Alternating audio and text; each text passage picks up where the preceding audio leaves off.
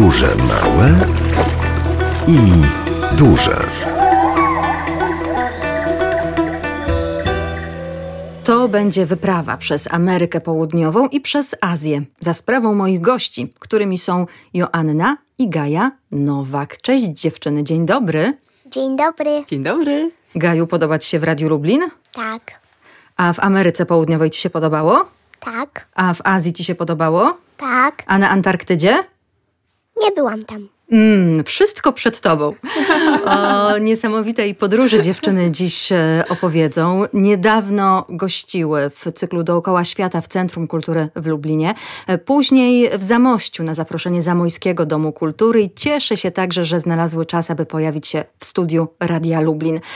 Wyruszyłyście w podróż sześć lat temu. Jak to się stało, Asiu? Oho, jak to się stało. To było tak, że w moim życiu były dwa wielkie marzenia. Pierwszym moim wielkim marzeniem było mieć szczęśliwą rodzinę. Ale tak się złożyło, że na dwa tygodnie przed urodzinami tego małego bąka, który siedzi tutaj obok i się uśmiecha, zostałam samotną mamą i, i niestety tego pierwszego marzenia nie udało się zrealizować. I im bardziej do mnie docierało, że to pierwsze marzenie jest poza zasięgiem, tym bardziej zaczynałam zastanawiać się, czy może w takim razie nie spróbować zrealizować tego drugiego marzenia, czyli marzenia o podróży. Ale to był proces, to był długi proces, bo dopiero po półtora roku od narodzin Gajeczki kupiłam bilety i wyruszyłyśmy w podróż, która w zasadzie to nie wiedziałam, ile ona będzie trwała, ale mieliśmy, miałyśmy bilety na za trzy miesiące. Ale naprawdę w najśmielszych marzeniach nie przypuszczałam, że będziemy w drodze 6 lat. No i pewnie gdyby nie ta pandemia, to wciąż bylibyście w podróży. tak, Jezus, przecież myśmy się miały właśnie w maju przemieścić e, ze Sri Lanki, miałyśmy lecieć do Nepalu, tam chciałam Gajce strasznie Mount Everest pokazać. Boś, chciałyśmy później zjechać Indię, a później tak nam wychodziło z marszruty, że powinnyśmy się wszczelić w porę suchą i przeskoczyć na Borneo, później Sulawesję, później Moluki, później akurat na wrzesień chciałyśmy na Papułę. A potem, o Boże, potem jeszcze się na pewno, pewnie i Australię. Ach, dużo było tych, tych planów. Zresztą pisała plany droga. No i napisała. Jesteśmy teraz tutaj w Radio Lublin. z czego się bardzo, bardzo cieszę. Gdy rozpoczynałyście swoją matczyno-córkową podróż przez świat, to mm, zaczęłyście od Ameryki Południowej i wtedy Gaja miała 20 miesięcy, czyli nieco więcej niż półtora roku, no niecałe dwa lata, tak można powiedzieć, więc bardzo jestem ciekawa, Gaju, czy ty w ogóle coś pamiętasz z tych pierwszych miesięcy albo i lat twojej podróży, waszej podróży? Tak. Co pamiętasz? Na przykład Ilanę. Mm, a cóż to? E, To jest taka pani. Ach, czyli powinnam powiedzieć, któż to? Tak. Więc kim była Ilana? Kim jest Ilana?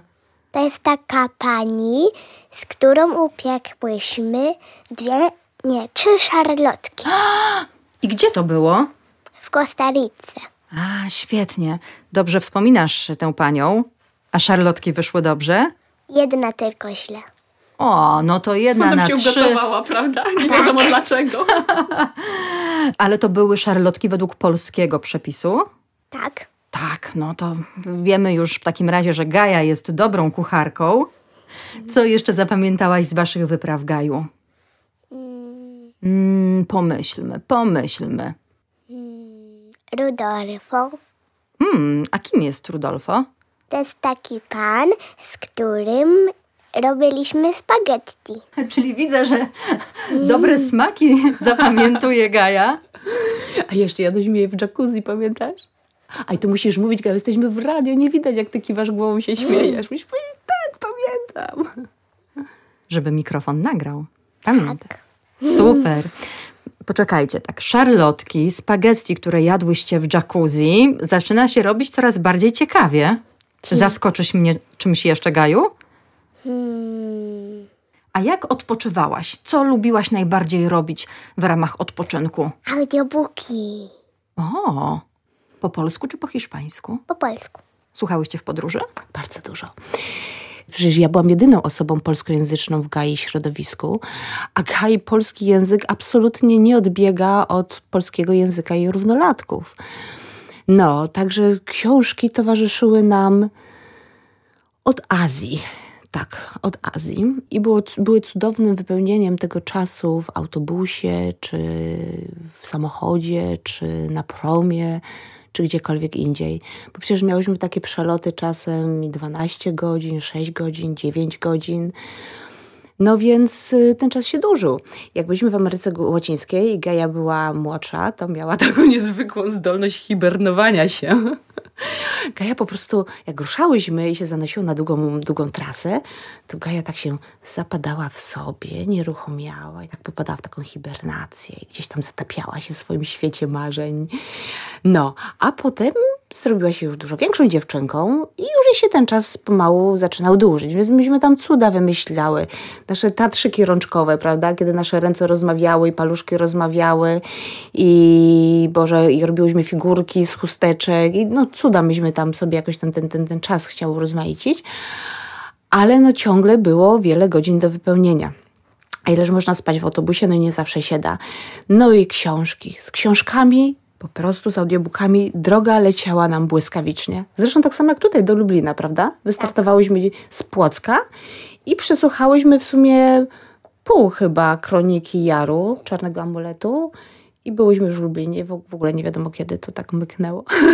Audiobooki też, e, poza tym, że sprawdzają się właśnie w, w, takich różnych momentach i podczas długiej podróży, to jednak są bardzo pakowne. A zdaje się, że, e, że w plecaku o, tak. i tak musiało się zmieścić wiele rzeczy, więc takie zwykłe książki chyba odpadały. Miałyśmy zwykłą książkę. Miałyśmy wiersze. Co miałyśmy jeszcze, Gaja? Luboluda. Luboluda przecież, oczywiście. Oj, polecam strasznie książkę o Luboludzie. Wpiszcie sobie w Google Lubolud. Wpadnie wam ręce książka, która jest zarówno dla dorosłych, jak i dla, dla dzieci. Myśmy pierwszy raz ją czytały w Ekwadorze, u Asi, w jej, w jej malutkim, znaczy malutkim, w jej takim mieszkanku na Wielkiej Górze w Quito. I odtąd Lubolud nam towarzyszył bardzo długo, przez całą Amerykę Łacińską, a potem udało się z życzliwymi ludźmi wysłać go do Polski i jest teraz u nas w Tarnowie. Tak, Lublod jest piękną bajką. Gaju, widziałam na zdjęciach, że w różnych pięknych miejscach po prostu wykorzystywałaś to, co jest wokół. Czyli oczywiście jak plaża, to piasek. Tak. I co robiłaś na tych plażach i na piasku? Na przykład zamki z piasku. Duże zamki? Tak. Świetnie. Pływasz trochę? Tak. A gdzie woda była najcieplejsza? W ciepłych krajach. No, oczywiście. A czy woda mieniła się na różne kolory, czy miała jeden kolor? Różne. Aha. A był też taki niebieski jak w logo Radia Lublin, jak na mikrofonach? Niebieski, czy takiego niebieskiego nie było? Nie pamiętam. No tak, o dziwne rzeczy wypytuję, prawda? Ale różne kolory wody na pewno były, bo w różnych miejscach byłyście. Boże, przepiękne i tak jak w Radio Lublin i takie turkusowe, i takie granatowe, a czasem szare, jak przychodziła pora deszczowa, niebo się zaciągało chmurami. Ale wspólną cechą większości tych mórz jednak było to, że ta woda była cieplejsza niż w Bałtyku. jak weszłyśmy teraz do Bałtyku, o ja nie zapomnę miny Gaj, takiej zdziwionej.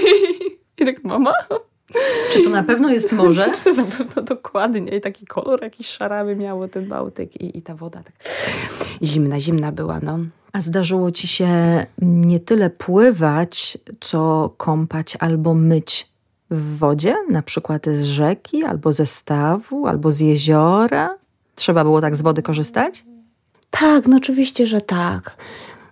Tak, Gajka teraz tak na mnie popatrzyła, nie pamięta Pamiętasz to Gajka z opowiadanych przeze mnie historii na, na różnych slajdowiskach, jak mieszkałyśmy na barce z Juanem i tam przecież całe nasze życie opierało się na wodzie. Oga, jak kiwa głową. Mm.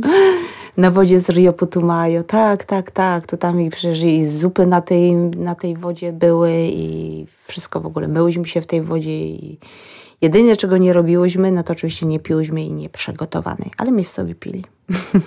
jak rozumiem, Gaja nie ma choroby morskiej. W sumie to nie sprawdziłyśmy tego nigdy tak do końca. No nie, miewasz, miewasz, miewasz. Y, nie sprawdziłyśmy tego, bo dzięki Bogu omijały nas wszelkie sztormy na morzu, czy morzach różnych, ale w autobusach, szczególnie w Indonezji, gdzie w zasadzie droga składa się z samych zakrętów, Mhm. No cierpiałyśmy i jedna i druga Choroba cierpiała. lokomocyjna. Tak, tak. Oj, to rozumiem, bo ja Tak. też mam takie problemy. No, tam to po prostu było nieudo... to na miejscowi wszyscy po prostu tam jak koty. Bo te drogi są wąskie, one dosłownie mają szerokość jednego pasa, tam przecież z róg jest dwie strony. Tam są góry, tam w zasadzie wyspy składają się z samych gór, więc te drogi są szalenie kręte. A ci kierowcy jadą jakby byli wariatami.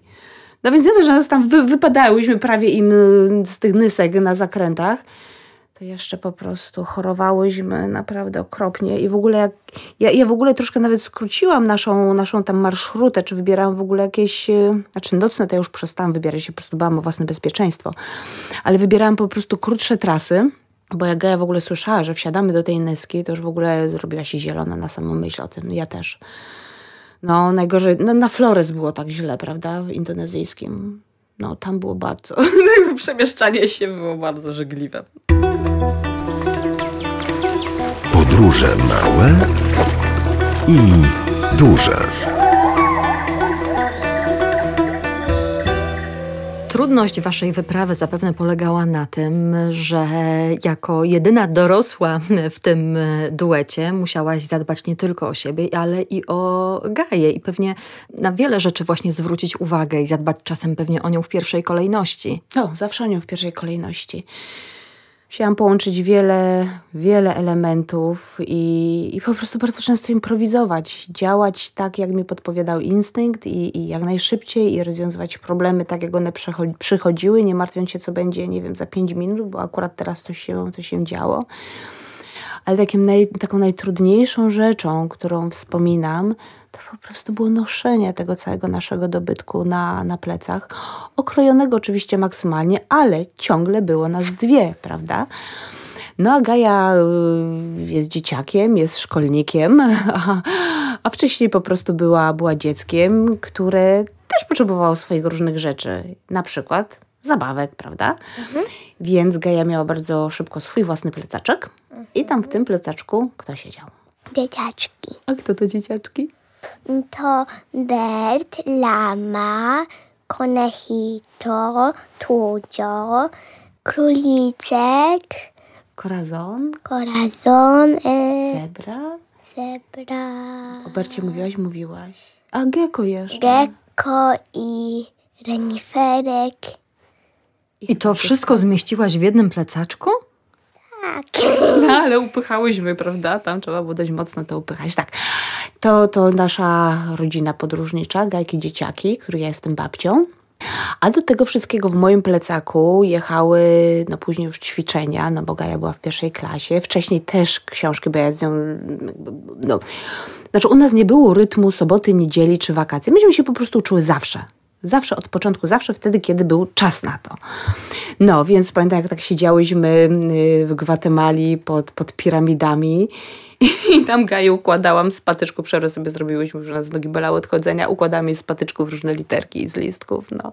Czy jak siedziałyśmy sobie na przystanku i uczyłyśmy się też literek, czy jak w Meksyku chodziłyśmy sobie po ulicach i szukałyśmy bolciów, prawda? Czyli Volkswagenów Golfów, przepięknych. W ogóle tam w Meksyku one mają tak odjazdowe kolory, że głowa mała. To były nasze ulubione samochody. No i je wyszukiwałyśmy i zliczałyśmy. Kto, kto na koniec dnia będzie miał ich więcej. No i tak Gaja się uczyła na przykład matematyki i pierwszych działań. I w sumie, ile miała w Meksyku? Cztery lata.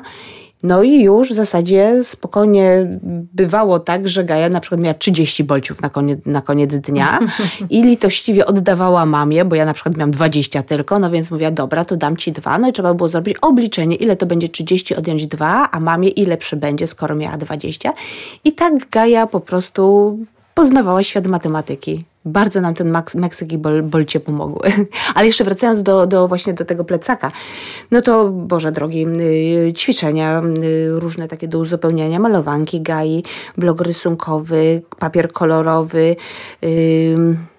farby, pisaki, kredki, plastelinka, y, linijeczki, takie różne kształtki do, do odrysowywania. No przecież to jest sakramencko ciężkie wszystko. No i to jechał w plecak. A jeszcze przecież przez dwa lata jechał z nami kompletny strój, strój baletnicy i sukienka Elzy. No bo jak to tak bez sukienki Elzy? Bez Nie da się sukienki podróżować. Elzy, to nie wyobrażam sobie podróżowania. No. A poza tym e, w dużym plecaku musiały się znaleźć inne potrzebne dla was rzeczy, takie jak ubrania, jak jakieś podstawowe kosmetyki. Co jeszcze? Tak jest. No od Komputerek. Tak, od, y, od kiedy my komputer mamy, od, y, Boże, nie wygadam się, od Panamy, tak, dołączył do nas y, laptopik, który pieszczotliwie zwałam cegówką, po prostu sakramencko ciężki, był duży i ciężki. No i jechał z nami w zasadzie do końca, dopiero na Sri Lance. Dzięki, dzięki w ogóle uprzejmości, sercu i gestowi czytelników dostałyśmy od czytelniczki, dostałyśmy komputer. No, taki malutki, zgrabny laptopik. No bo już ten stary po prostu, Jezus, wieszał się, mielił w ogóle, no już, już dożył po prostu swoich lat, absolutnie. Na początku podróży dodajmy, to co robiłyście, gdzie byłyście, opisywałaś na profilu facebookowym. Nawet nie. Pisywałam w zeszytach swoich, które wiozłam. No tak, czyli Nie, nie, notatki najpierw. Tak, tak, bo ta podróż, ona w ogóle nie...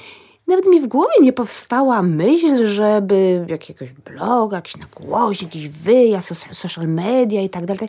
Nie, nic z tego. Wyjechałam sama, tak jak się czułam sama i tak sobie same podróżowałyśmy bez żadnych, e, bez żadnej elektroniki, bo nawet telefon, który miałam, a miałam taką zwykłą Nokię, zwykłą, zwyczajną po prostu starą Nokię, yy, ukradli nam i cześć czołem i już nie miałam, nie miałam funduszy na to, żeby zakupić nową. No więc jechałam po prostu z przewodnikiem y, z bezdroży, książkowym, zwyczajnym i papierową mapą. I już. I w kafe internet y, wchodziłam, tam takie kafejeczki, zawsze małe, ciasne. Brałam na godzinę jedno stanowisko, dzieliłam ekran na pół. Na połowie Gaja oglądała Świnkę Pepe, na drugiej połowie y, ja pisałam do rodziców, mamo, tato, słuchajcie, jestem tu i tu. Z, i, odezwę się do was za pięć dni stąd i tąd. Być może za sześć, bo może nam to troszeczkę y, zająć więcej czasu, ale generalnie do sześciu dni będzie, nie martwcie się, dostaniecie ode mnie, odezwę się, prawda? Do sześciu dni do was się odezwę. Wszystko jest pod kontrolą, mamy się dobrze, jest fajnie, ta, ta, ta. ta. No. no i później stawałam na uszach, żeby się w tych, tym terminie wyznaczonym rodzicom, y, dla rodziców, żeby się zmieścić w czasie i znaleźć jakiś środek do porozumiewania się z Polską, żeby im wysłać wiadomość, że jestem, że jest okej, bo przecież oni truchleli tutaj w Tarnowie w domu o nas, a wiadomo, no oni nie podróżowali nigdy w takich, w takich miejscach, ale nawet jakby podróżowali, to po prostu wyobraźnia człowieka w nocy podsuwa mu najgorsze obrazy. I, i Boże, to co moja mama i mój tata po prostu tam musieli przez te pierwsze lata naszej podróży w Tarnowie przechodzić, to ja nawet, nawet nie chcę myśleć, więc to był absolutnie dla mnie priorytet. No. A no właśnie, no i później tak czasem, jak mi coś tam zostało, odrobineczkę czasu tam w tej kafejce internetowej, no bo Gaja była przyklejona do świnki Pepy, to nie było problemem. I jak już napisałam do hostów z Couchsurfingu, już wymieniłam korespondencję, już wiedziałam, y, gdzie jedziemy, jakby te sprawy obowiązkowe miałam zamknięte, no to tam jedno, czasem zdjęcie wr- wrzuciłam, najpierw z paroma dosłownie słowami, a potem z jakąś tam krótką historią. I łapałam się na tym, że lubię, lubię opisywać te, te, te nasze różne mm, historie, które nas spotykają, ale to było naprawdę takie króciutkie. I w którymś momencie ktoś właśnie napisał, słuchaj, zacznij ty pisać bloga, bo ten Facebook jest taki po prostu nieporęczny, szukam tych waszych różnych przygód i no wywala mnie ciągle z tego, jestem wkurzony i w ogóle. I pod tym po prostu nagle chyba ze 40 takich właśnie głosów, no znakomity pomysł, zrób to, no wreszcie i tak dalej. My też chcemy Ci towarzyszyć, patrzeć, bo to jest absolutnie ciekawe, jak Wy sobie z Gają radzicie. A ja to przeczytałam, złapałam się za głowę, myślę sobie, fajnie. Mam dzieciaka, jestem w podróży, muszę wszystko zorganizować, ogarnąć jedzenie, zajmowanie się nim, y, pomyślenie, gdzie jechać. Kiedy ja mam niby to wszystko pisać? To nie jest tak, że napiszę trzy zdania, prawda, na Facebooku, tak jak na Facebooku, tylko blog już ma swoją pełną formułę, już tam trzeba usiąść, napisać coś dłuższego, jakoś to ogarnąć, oprawić zdjęcia. Ja przecież mam tą swoją śmieszną pstrykawkę, ja nawet zdjęć nie umiałam wtedy obrabiać, nic nie umiałam przecież. Więc ja się broniłam rękami, nogami przed tym blogiem.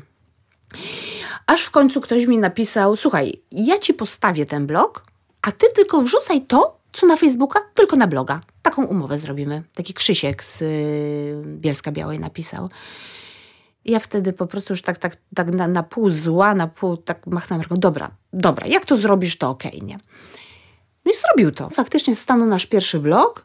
I ja wtedy pamiętam, że myślałam, o ja, no to, no to się zaczęło. No ale słowo się rzekło. No i wtedy na takim, takim, takim jak to nazwać w ogóle, takim tab tableciku śmiesznym z Chin, najtańszym jaki był w ogóle na bazarze, z najtańszą klawiaturą z Chin, taką naprawdę na chińskie rączki, bo, bo po prostu mi się tak niewygodnie na tym pisało. No i zaczęłam te pierwsze nasze wpisy na blogu tam po prostu ściubić od czwartej rano, dosłownie od czwartej rano, siedząc pod lampą, będąc połączona właśnie Wi-Fi od, od takich naszych sąsiadów. Będziemy mieszkali wtedy w takim szpitaliku w namiocie przy szpitalu dla psów. W ogóle przeciekawe też sprawa nad brzegiem morza w Kolumbii. No i tak powstawały nasze pierwsze wpisy. Somosdos.pl Somosdos, co oznacza, Gaju? Jesteśmy razem, Jesteśmy dwie. jesteśmy dwie. Somos-DOS. Teraz e, patrzę na ekran naszego komputera. Dziewczyny, spójrzcie. Gaja, rozpoznajesz siebie? Tak. Malutka tutaj byłaś, prawda? Teraz to już duża dziewczyna z ciebie. Ile masz teraz lat? Ja mam osiem. Mhm, a osiem po hiszpańsku to? Ocio.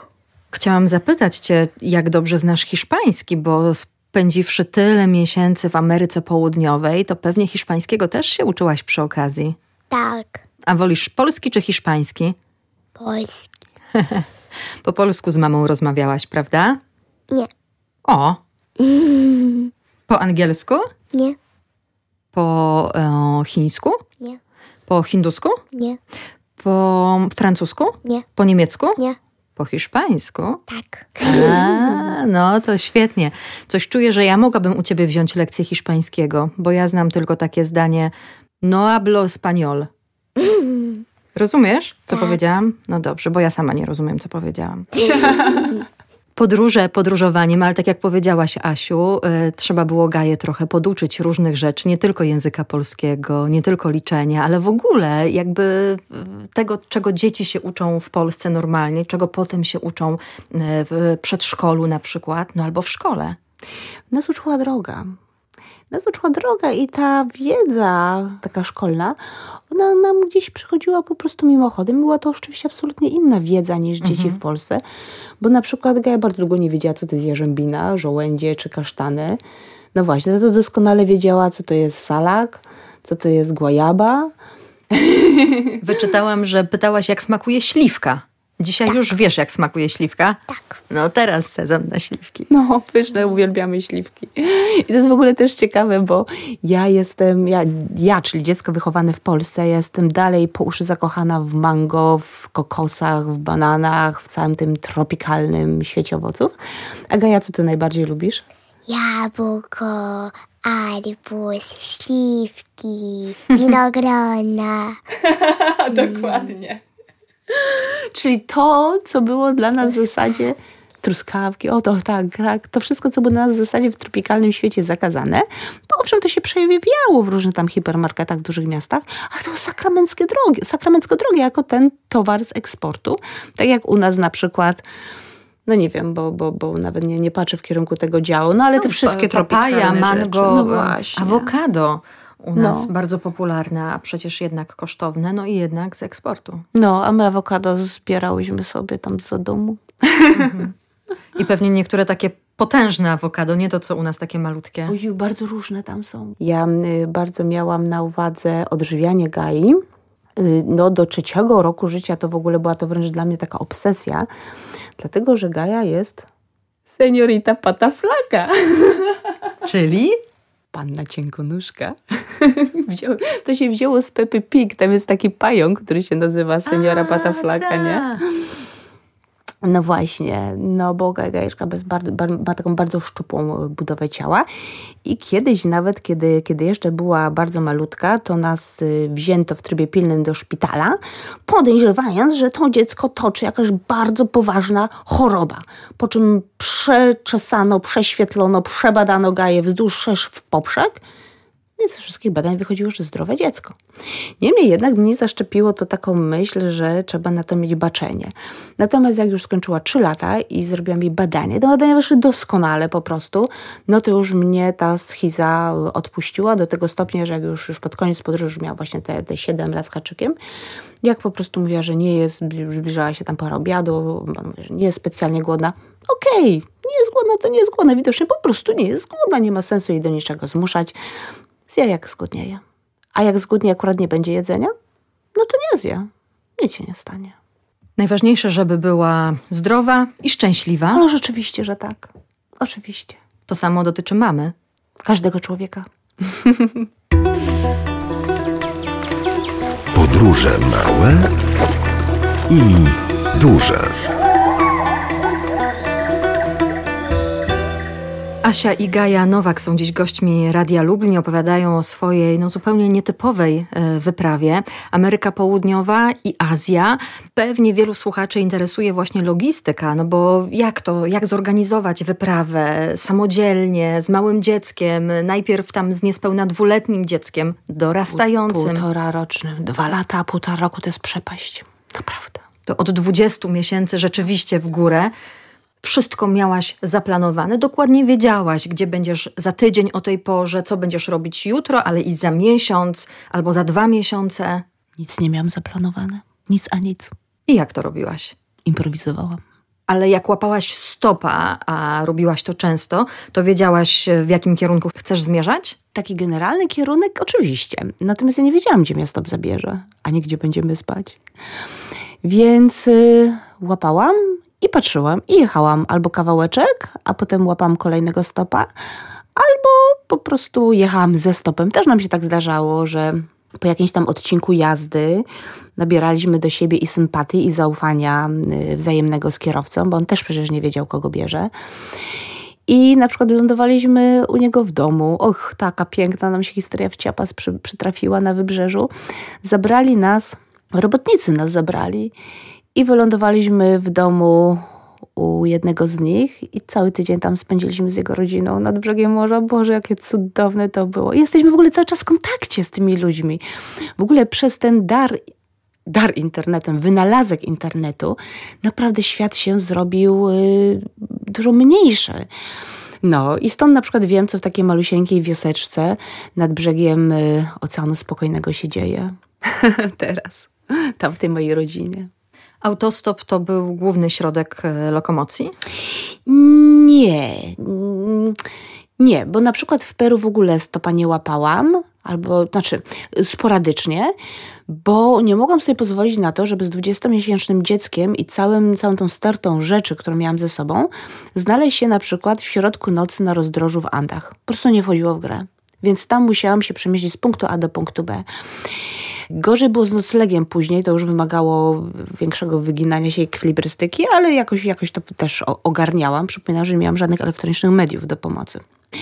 Zaczęłyśmy stopa łapać tak już regularnie od Kolumbii, zaraz jak przekroczyłyśmy granicę z Ekwadorem, a to dlatego, że zrobiło się tam cieplej, a ja miałam za sobą już rok podróży, rok oczaskania i już ja czułam się po prostu coraz pewniej w tym, No i Gajka robię. była starsza.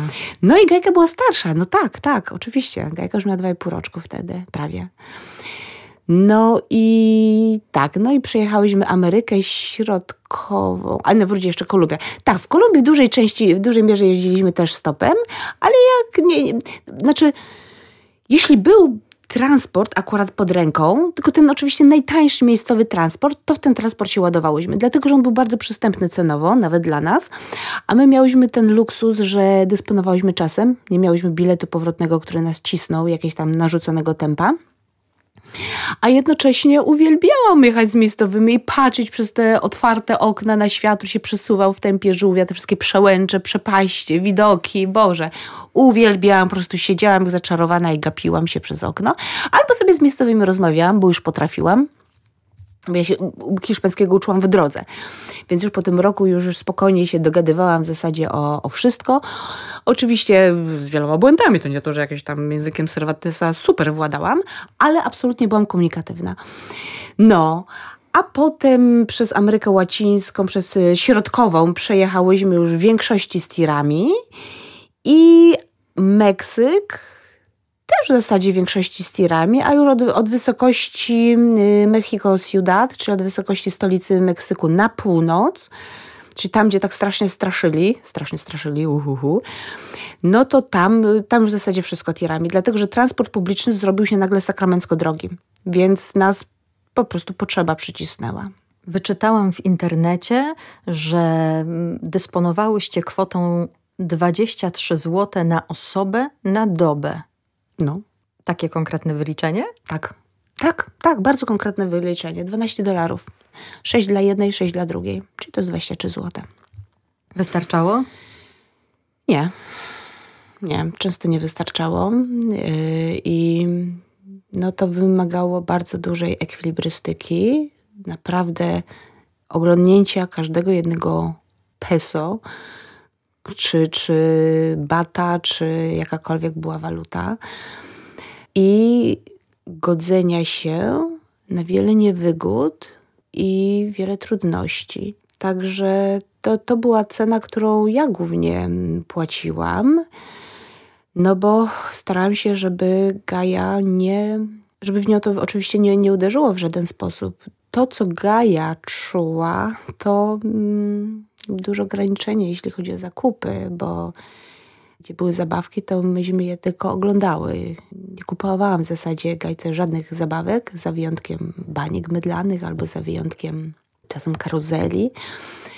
Natomiast już w Azji y, było nam o tyle lżej, że blog rozszedł się po świecie i zgromadził wokół siebie grono naprawdę przecudownych ludzi, w ogóle takich ciepłych, empatycznych, otwartych, ciekawych. Cudownych mam czytelników, naprawdę cudownych. Ja tam na, na blogu mam taką zakładkę wsparcie i nagle, zupełnie spontanicznie dosta zaczęłyśmy dostawać yy, różne takie drobne sumy z takimi pięknymi dedykacjami, na przykład na lody dla Gajki, bo Gajka jest absolutnym lodoholikiem, uwielbia lody. Na lody dla Gajki, na porządny hostel z ciepłą wodą. A już taką ukochaną moją yy, taką dedykacją było rozwalcie to na co chcecie. I tam chyba 100 zł dostałyśmy od tej osoby. Dla nas to było ogromne wsparcie, ogromne, bo właśnie dzięki tym dodatkowym pieniądzom od czytelników, no właśnie mogłam Bajkę wziąć na karuzelę, mogłam jej kupić te, te lody czy mogłam uzbierać i kupić nam, bo to, to, to był taki mus i to nas strasznie finansowo obciążało, kolejną wizę. Bo chociaż ona miała półtora roku, czy tam dwa, cztery, pięć później, to płaciła dokładnie tą samą kwotę za, za wizę, co ja. No, także to, to ciągle był taniec na linię, ale to był już taniec na linię z, takim, z taką myślą, że są ludzie, którym nasz los jest nieobojętny. I to było piękne. To było tak wspierające, nie tylko w tym wymiarze finansowym, ale też w tym emocjonalnym. Bo, Bo ktoś ja, wam towarzyszył. Tak, ale ja, ja tam była, byłam sama, wie pani. Ja przez te sześć lat podróży byłam sama. Ja i Gaja, my dwie. Nagle pojawili się ludzie, którzy do nas pisali ciepłe listy, którzy nam podrzucali parę groszy, którzy mówili, dobra, a to chcę, żebyś, kupcie sobie taki obiad, żebyście się najedli po, po uszy. I ty, i ona.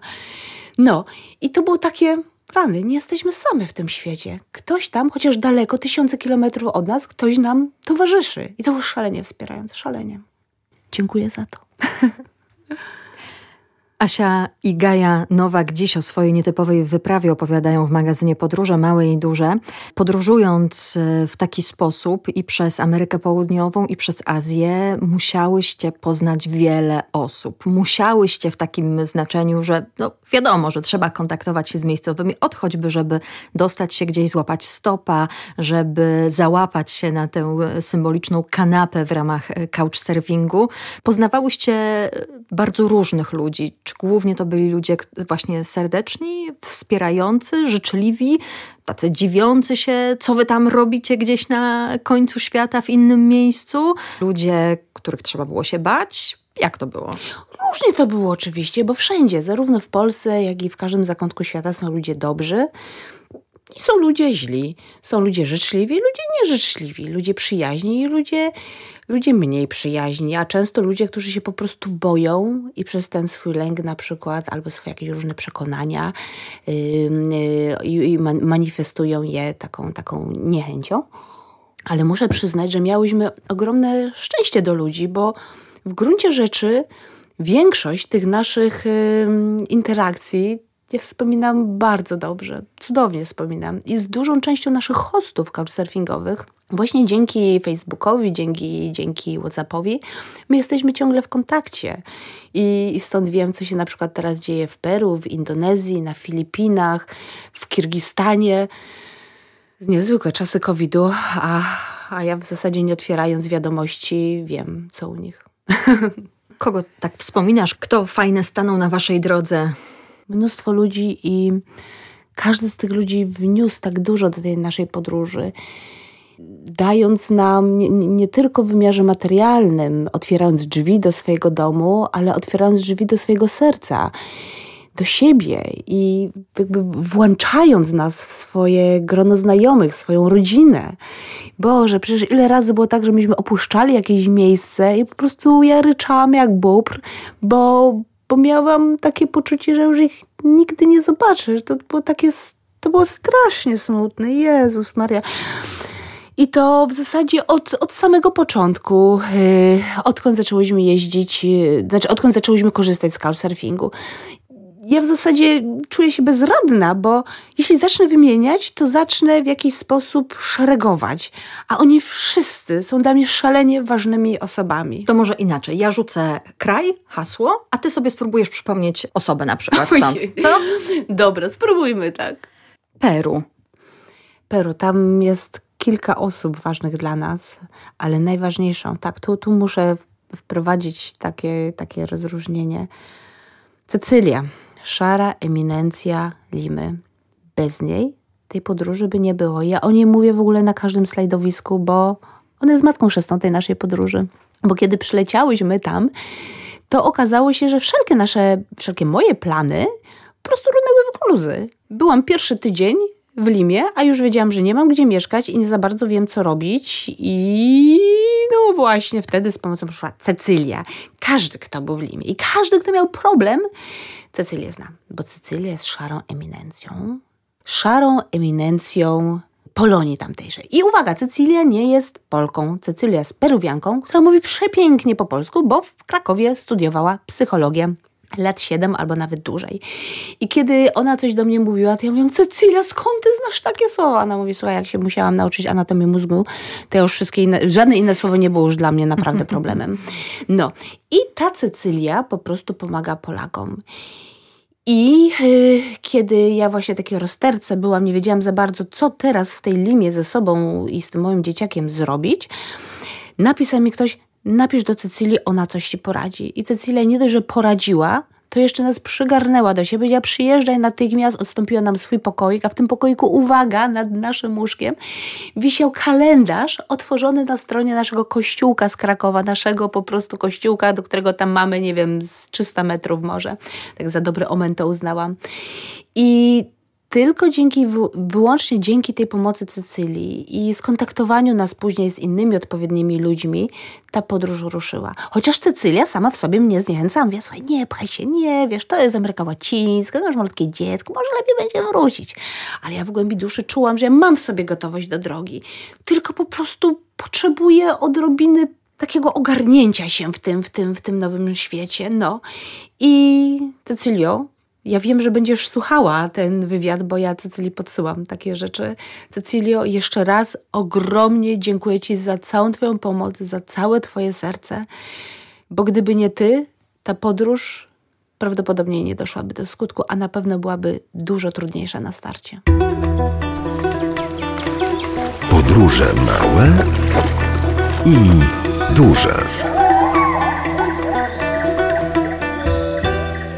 Meksyk. Druga taka koronna postać, ojciec chrzestny naszej podróży, to jest Rodolfo. Rodolfo to, trafiłam do Rodolfo przez Couchsurfing. To jest najstarszy host, w ogóle członek Couchsurfingu, z którym kiedykolwiek miałam do czynienia. Rodolfo myślę, że jest po 70 i nas przygarnął. No właśnie, zaprosił nas do nas na, na parę dni. W ogóle śmieszna sprawa, bo już wieczorem się oświadczył. Rodolfo, jeśli po to mnie zaprosiłeś, żeby się oświadczyć, no to ja się jutro wyprowadzał. Nie, nie, słuchaj. Ale tam jeszcze przez trzy dni wiercił dziurę w brzuchu z tymi oświadczynami. Bo w ogóle to jest bardzo meksykańskie, bardzo latynoskie w ogóle. No bo jak ja tak mogę sama bez mężczyzny przez przecież musi się mną ktoś zaopiekować. Rodolfo, przecież ja już dwa lata jestem w podróży sama i wszystko jest dobrze, bez żadnej opieki. Ale no jak to przecież ta kobieta musi mieć mężczyznę przy sobie? I to jest pogląd, który pokutuje w ogóle przez większość, e, większości znanego mi świata. Ach, to jest w ogóle inny, inny wątek na inną rozmowę. Rola kobiety po prostu w świecie. No, no bardzo jest jest mężczyzna przede wszystkim, a kobieta gdzieś tam naprawdę. No, nieważne. W każdym razie, dlaczego Rodolfo jest taki ważny? Oprócz tego, że jest przemiłym starszym panem, takim dystyngowanym starszym Meksykaninem, to w zasadzie dzięki niemu ruszyłyśmy dalej, bo tam Gaja mi bardzo zachorowała. Zachorowała mi do tego stopnia, że w zasadzie otarłyśmy się o szpital, z którego wyszłam z zaleceniami, których nie byłam w stanie wypełnić. Musiałam Gaję z dnia na dzień przestawić na bardzo wymagającą dietę. Między innymi bez, bez cukru i bez białej mąki. Ameryka Łacińska bez cukru i bez białej mąki? Tam wszędzie jest cukier i biała mąka. Jak po prostu przeszłam hipermarket, to wyszłam i się poryczałam. Każda jedna rzecz zawierała albo cukier, albo mąka, albo to i to. No, Ameryka Łacińska nie jest y, w ogóle, czy, czy Meksyk nie jest krajem, w którym popularna jest zdrowa żywność, chociażby w takim wymiarze jak w Polsce. No i katastrofa. Po prostu nie miałam czym tego mojego dziecka żywić, a musiałam ją na takiej diecie trzymać przynajmniej 6 tygodni. Rodolfo wtedy tak posiedział ze mną, pomyślał, podrapał się po głowie. Najpierw zadzwonił do dwóch lekarzy, którzy ze mną porozmawiali, uspokajając mnie, że to nie wygląda tak strasznie jak w internecie, w internecie po prostu jak przeczytałam opis choroby, to mi się włosy wyprostowały na głowie. A potem wpakował nas do samochodu i pojechał w sobie znane miejsca. A tam takich malusieńkich dziuprach, do których w życiu nie trafiłabym sama, były dwa takie sklepiczki, które wielkością były właśnie jak, jak, jak y, to nasze studio, w którym nagrywamy. I tam były rzeczy bez cukru, i bez białej mąki. I to już naprawdę nie było ważne, ile one kosztowały. Po prostu wykupiłam pół sklepu na te sześć tygodni. No i później już w ogóle nawet Rodolfo się dołączył do tej diety, bo postanowił przez 6 tygodni żyć zdrowo. No i właśnie to chociażby y, spaghetti, które, o którym Gaja wspominała, to robił Rodolfo właśnie z takiego makaronu, jak go nazwać, be, be, bez białej mąki. Było cudowne to spaghetti. Mieszkałyśmy u Rodolfo w sumie 8 tygodni. Nie skończyło się to małżeństwem, jak już wiadomo. Rozstaliśmy się naprawdę w ze smutkiem wielkim, bo szalenie go polubiałam. On mi zaczął tatować, Gajce zaczął dziadkować, zżyliśmy się ogromnie. Codziennie oglądaliśmy inną bajkę u niego w sypialni, był taki gigantyczny telewizor, tam mi Gaja siadała i po prostu oglądaliśmy jedną bajkę, oczywiście po hiszpańsku. I też muszę przyznać, że nieraz ścieraliśmy się, bo mieliśmy, mieliśmy zupełnie inne poglądy na wychowanie dzieci, czy w ogóle na świat, ale to były bardzo takie ciekawe te nasze starcia, bo bardzo dużo przez to się uczyliśmy wzajemnie i o naszych kulturach, i o naszych charakterach. No i też musieliśmy gdzieś przecież znaleźć e, konsensusy. Z Rodolfo też jesteśmy w, e, w kontakcie i uwaga, Rodolfo się ożenił dwa lata temu na portalu randkowym. Spotkał kobietę swojego życia, i tak obecnie wiodą szczęśliwe życie, jesteśmy w kontakcie. Rodolfo, opisujemy swoje szczęście. Bardzo się z tego cieszę, bo to naprawdę złoty chłopiec. Dziękuję Wam bardzo. Było mi bardzo miło. Mam do Was jeszcze milion pytań, ale nasza rozmowa i tak trwa zdecydowanie dłużej niż to zaplanowałam, bo chyba trudno 6 lat i dwadzieścia kilka krajów zmieścić w ciągu krótkiej rozmowy. I nie wiem, jak Wy to robicie podczas spotkań z publicznością. To jest w ogóle horror. Znaczy nie w kontekście spotkań, tylko w kontekście tego, że na przykład na festiwalu my mamy równo 45 minut, żeby, żeby o tym opowiedzieć. I ja po prostu mówię jak nakręcona, żeby tylko jak najwięcej przekazać przez ten czas. No, to jest bardzo trudne. Dużo, dużo opowieści także znajdą Państwo w internecie na somosdos.pl. Somos Dos, migawki z podróży małej i dużej. Tam i teksty opowieści, tam i zdjęcia, tam i filmiki, które przeniosą nas do najróżniejszych miejsc, w jakich były Asia i Gaja Nowak. Bardzo Wam dziękuję i trzymam kciuki za Wasze kolejne wyprawy, czy to e, przez Polskę, czy to gdzieś dalej. Dziękuję Wam bardzo. Dziękujemy. Podróże małe i duże.